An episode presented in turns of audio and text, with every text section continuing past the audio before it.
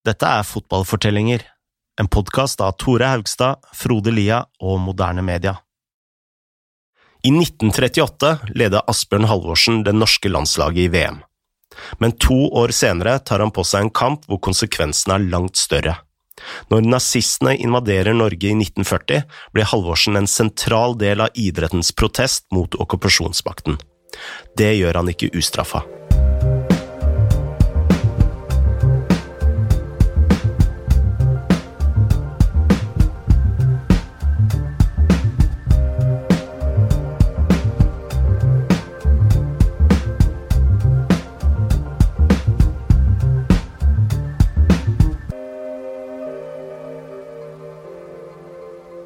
I 1938 var ikke veien til VM like lang som den er i dag. Norges gruppe i kvaliken besto av to lag, nemlig Norge og Irland. De spilte to kamper, hvorav Norge vant 6-5 sammenlagt. Selve oppladinga til eh, VM var litt sånn laber for Norges del, i hvert fall om du ser på antallet kamper de spilte. Idet de dro til Frankrike, hadde de kun spilt én kamp hele året. Eh, og Det var en vennskapskamp mot Estland i Oslo, som Norge vant 1-0. Dette VM-et ble spilt i en tid hvor mørke skyer samla seg over Europa. I Italia regjerte Mussolini og fascistene, i Spania var det borgerkrig, som vi har snakket om i tidligere episoder. Mm -hmm. Og i Tyskland styrte Hitler og nazistene. Østerrike var for øvrig et av de 16 lagene som skulle delta i VM, men måtte trekke seg fordi de hadde blitt annektert av Tyskland. Ja, og det er jo helt sykt. Altså, det hadde vært som om Ukraina skulle kvalifisere seg til VM i Qatar 2022, for så å måtte trekke seg fordi de hadde blitt annektert av Russland. Ja, Og så hadde Russland så deltatt i mesterskapet? Ja. Uh, det, hadde vært helt sykt. Uh, og dette skjedde da i 38. Uh, Tyskland fikk delta. det samme gjorde Italia, som spilte i svarte drakter, som da var fagene til fascistene. Men dette betydde ikke at disse landene var populære i vertsnasjonen. I Frankrike ble det holdt en rekke demonstrasjoner og protester mot disse to landslagene. Dette var for øvrig Brasils første VM, og det samme gjaldt Cuba, som fikk billett til Frankrike for resten av landet i kvalikgruppa trakk seg. Store nasjoner som Argentina, England, Uruguay ble hjemme. Ja.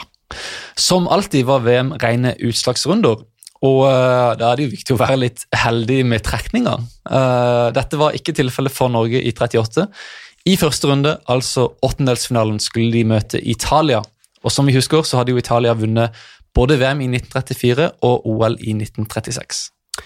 Selv om det italienske laget hadde endra seg mye over denne perioden, hadde de to av de beste spillerne i landets historie. En av dem var Silvio Piolla, som skåret 274 mål i Serie A, som er en rekord som fortsatt ennå ingen har klart å slå. Den andre var kanskje et litt mer kjent navn for dagens fotballsupportere, og det er Giuseppe Miassa. som hadde blitt kåret til VMs beste spiller i 1934, og som kjent banket inn mange mål for Inter at han fikk en hjemmebane oppkalt etter seg. Det finnes en historie om Meazza hvor han skulle ta et straffespark. Uh, Idet han skulle ta tilløp, så glei shortsen ned. Mm. Uh, og Han klarte liksom å holde han opp med venstrearmen og likevel fyre av skuddet. Og mål i, det ble likevel mål. Det hadde forresten også vært endringer i Norges lag. La oss høre fra Øyvind Steen Jensen om Halvorsens stall. Det altså Bronselaget besto som et begrep fram i 1938 også. og De hadde kvalifisert seg gjennom en hjemme-bortekamp mot Irland. Men så hadde Jørgen Juve lagt opp da, i 37, og Nils Eriksen han ble fulgt inn som ny senterhatt. Og Fridtjof Ulleberg han takket nei til videre langs landslagsspill. Så det var noen få endringer. og Hansen fra Fredrikstad, ny venstrevekt, og Kristian Henriksen tok over plassen til Ulleberg på midtbanen. Men uh, men det var jo i store trekk det samme laget. Norges oppgjør mot Italia gikk av stabelen i Marseille. Øyvind fortalte oss hva som skjedde i løpet av kampen. De hadde Italia på knærne igjen, altså. Det var en kamp der det gikk i steikende sol i Marseille. Italienerne var skyhøye favoritter. og tok en tidlig ledelse. Fire minutter til var spilt. Og festa et grep etter den skåringen. Styrte spillet ganske ettertrykt til å begynne med. Men så sakte, men sikkert, så, så det var denne moralen i dette laget. altså. At eh, de ga seg aldri. Og så tok de over initiativet og styrte kampen de siste 20 minuttene av første omgang. Og annen omgang ble veldig jevn, veksla fram og tilbake hele tida. Og så i det 83. minutt, sju minutter før slutt, så ny typisk Arne Brustad-skåring. Han filter vekk to italienere og skyter knallhardt i mål. Da. Så Men så, like etter det så, så, så, gjør han det samme igjen. Han skårer et mål til. Helt på tampen av kampen. Så tilsynelatende så har jo Norge vunnet, da. Men eh, dommeren, han het Beranek, han eh, han velger å annullere denne skåringen. Eh, veldig tvilsom, eh, helt åpenbart gal avgjørelse, hva man kan si. Det, det var jo da han Per Kristian Andersen, PCHR, som var veldig kjent radiokommentator på den tida, fulgte bronseslaget. Han fastslo at dommeren annullerer for offside. Det har aldri vært noen offside. Og Det franske publikummet var helt enig med, med nordmennene. De holdt det med Norge. Så uh, Beranek annullering utløste en voldsom pipekonsert på på Stad Municipal. Men, men i ekstraomgangen så skåret alle én fort da, etter bare tre minutter. Og da, da klarte de liksom ikke å, å komme tilbake. Hadde ingen mulighet etter det. Italia skåra sine mål via Pietro Ferraris og Silvio Piola. Dermed ble utfallet det samme som i OL to år tidligere. Brustad skåra for Norge, men Italia vant 2-1 etter ekstraomganger. Italia vant senere VM, Uh, og I Norge satt mange med en, ja, en bitter smak i munnen. Ja, og dette vet uh, Øyvind Steen Jensen godt, fordi han var redaktør for magasinet Fotball, som uh, pleide å bli sendt ut til medlemmer i regi av NFF. Dette magasinet gjorde noen intervjuer med spillere fra det norske landslaget, og flere av dem følte seg snytt for seieren.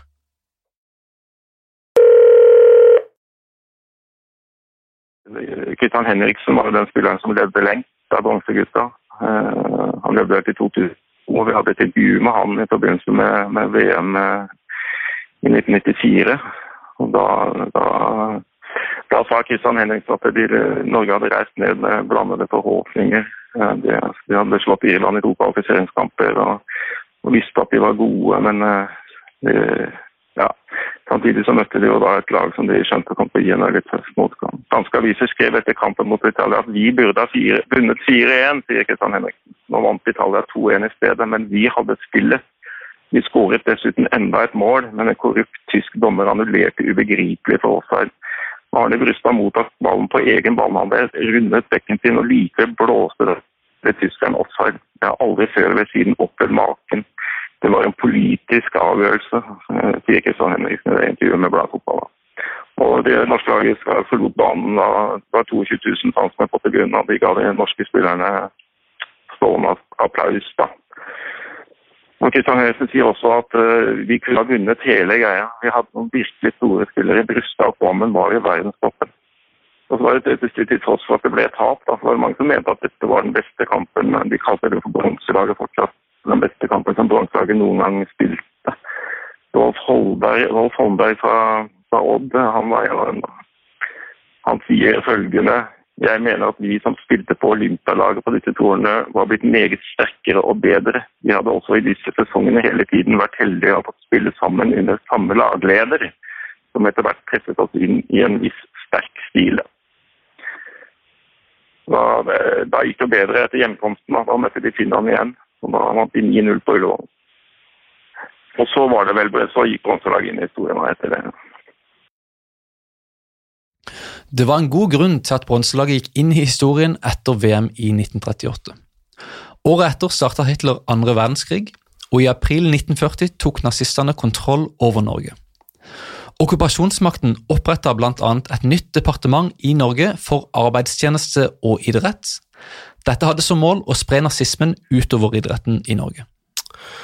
Dette skjedde i en viktig periode for norsk idrett, fordi i månedene like før hadde det vært forhandlinger mellom Arbeidernes idrettsforbund og NFF om å stifte en felles organisasjon for norsk idrett. Disse forhandlingene førte til enighet om å opprette det vi kjenner til i dag som Norges idrettsforbund. Selve forbundet kom ikke i gang før etter krigen, selvsagt, av naturlige årsaker, men denne enigheten betydde at norsk idrett da sto samla da nazistene prøvde å spre sin innflytelse. En av de sentrale skikkelsene i forhandlingene var Halvorsen, som fortsatt var trener og generalsekretær i NFF. De neste månedene sto både han og norsk idrett som helhet bak en rekke protester mot okkupasjonsmakten. Disse protestene ble kjent som den norske idrettsboikotten. Og akkurat eh, på dette temaet har eh, Jan Åge Fjørtoft eh, stålkontroll. Jeg har faktisk diskutert mye av denne idrettsboikotten med med folk som er krigshistorikere og krigsveteraner. Og, og, Det er mye som tyder på at denne idrettsstreiken ikke har fått den nødvendige, eller, eller kanskje den statusen som den fortjener. For det, dette var på mange måter den første sivile eh, aksjonen mot eh, tyskerne. Og her skal vi huske at det er en Asbjørn Halvorsen som er superstjerne i Tyskland har vært. Han dro dit ned i 36, eh, var landslagssjef for Bronsegutta var med i VM i 38. Så, så, det er en stor profil som, som er da eh, overtar, har overtatt norsk fotball, eh, men som også er veldig sentral i idrettsbevegelsen og i NIF eh, i Norge. Og Det fortelles jo om at tyskerne kommer jo da selvsagt kommer til eh, Assi. Det er jo selvsagt første, en av de første de vil prate med, eh, for at han er en stor stjerne. Og sier at de vil ha landskamp mellom Norge og Tyskland. Og da, og da sier Asbjørn Halvorsen men landskamp? Altså, Vi er i krig! Dette går jo ikke. Når de setter han inn, så prøver de å nazifisere idretten, men det klarer de faktisk ikke. Og Det er ganske, det er ganske imponerende å, å gjøre det, for det var mange deler av det norske samfunnet de fikk ganske kjapt kontroll over. Kjapt i anførselstegn. Hver gang nazistene prøvde å få hjelp fra Halvorsen, gjorde han alt han kunne for å sabotere. For eksempel, før cupfinalen i 1940 mellom Skeid og Fredrikstad ville tyskerne dekke hele kongetribunen med naziflagg. Da Halvorsen hørte dette, truet han med å avlyse kampen. Og som vanlig fikk han det akkurat som han ville. På høsten det året ville også okkupasjonsmakten ansette en såkalt fører som skulle ta kontroll over all fotball i Norge. Både Halvorsen og NFF-president Reidar Dahl nekta å ta rollen. NFF skrev faktisk i et brev at de sto i bestemt protest mot at en sånn rolle skulle eksistere. Da ukjente Fridtjof Risberg tok rollen, sa de ansatte i NFF opp. De viktigste organisasjonene i norsk idrett ble snart oppløst. Disse ble erstatta av en ulovlig idrettsfront som jobbet for å ødelegge for nazistene. De neste årene nektet norsk idrett å arrangere offisielle stevner i regi av okkupasjon. Innen dette hadde Halvorsen fått en ny jobb som personalsjef i selskapet Nycomed. Men når han hadde fri, tok han en aktiv rolle innen idrettsfronten. Han deltok også i utgivelsene av de illegale avisene Bulletinen og Whispering Times. Begge disse avisene var viktige for å formidle eh, informasjon for idrettsfronten. Dessverre ble Whispering Times stoppet av Gestapo i august 1942. Da sendte også tyskerne Halvorsen til Grini. La oss høre fra Jan Åge om hvorfor Halvorsen ble arrestert. Mange spekulasjoner rundt det. Eh, det var vel kanskje en som tyskerne trodde kunne føyes inn i rekken. Men i og med at han var så sentral rundt idrettsstreiken, så vil jeg tro at det var en av grunnene. En veldig markant mann i, uh, i, eh, i, det, i den norske idrettsbevegelsen. Og Hvis du var en markant del av idrettsbevegelsen, så var du en markant del også av, eh, av det norske samfunnet. Og Det fortelles jo historien om i Buskerud, hvor de, tyskerne skulle skremme Uh, nå, nå, er jeg ikke helt nøyaktig på, på, navnene og hvilken klubb det var, men, men historien er iallfall den samme, der de, der de Eh, ville skremme det lokalbefolkningen til, til, å, til, å, roe ned kampen mot det tyske styret. De, de tok, eh, ble fortalt at de da tok livet av en bankmann. Det var ingen som reagerte noe særlig på. Og så var det en, en, en fotballspiller som da måtte bøte med livet. Sånn ble, ble historien fortalt. og Det sier jo noe om idrettens posisjon. I juli 1943 Etter ett år på Grini ble Halvorsen tvunget om bord på skipet MS Monterosa som seilte sørover. Ti år etter han hadde forlatt Hamburg, var han tilbake i Tyskland. Da han sist hadde vært der, var det som kaptein, stjerne og fotballegende. Denne gangen var det som fange i en konsentrasjonsleir.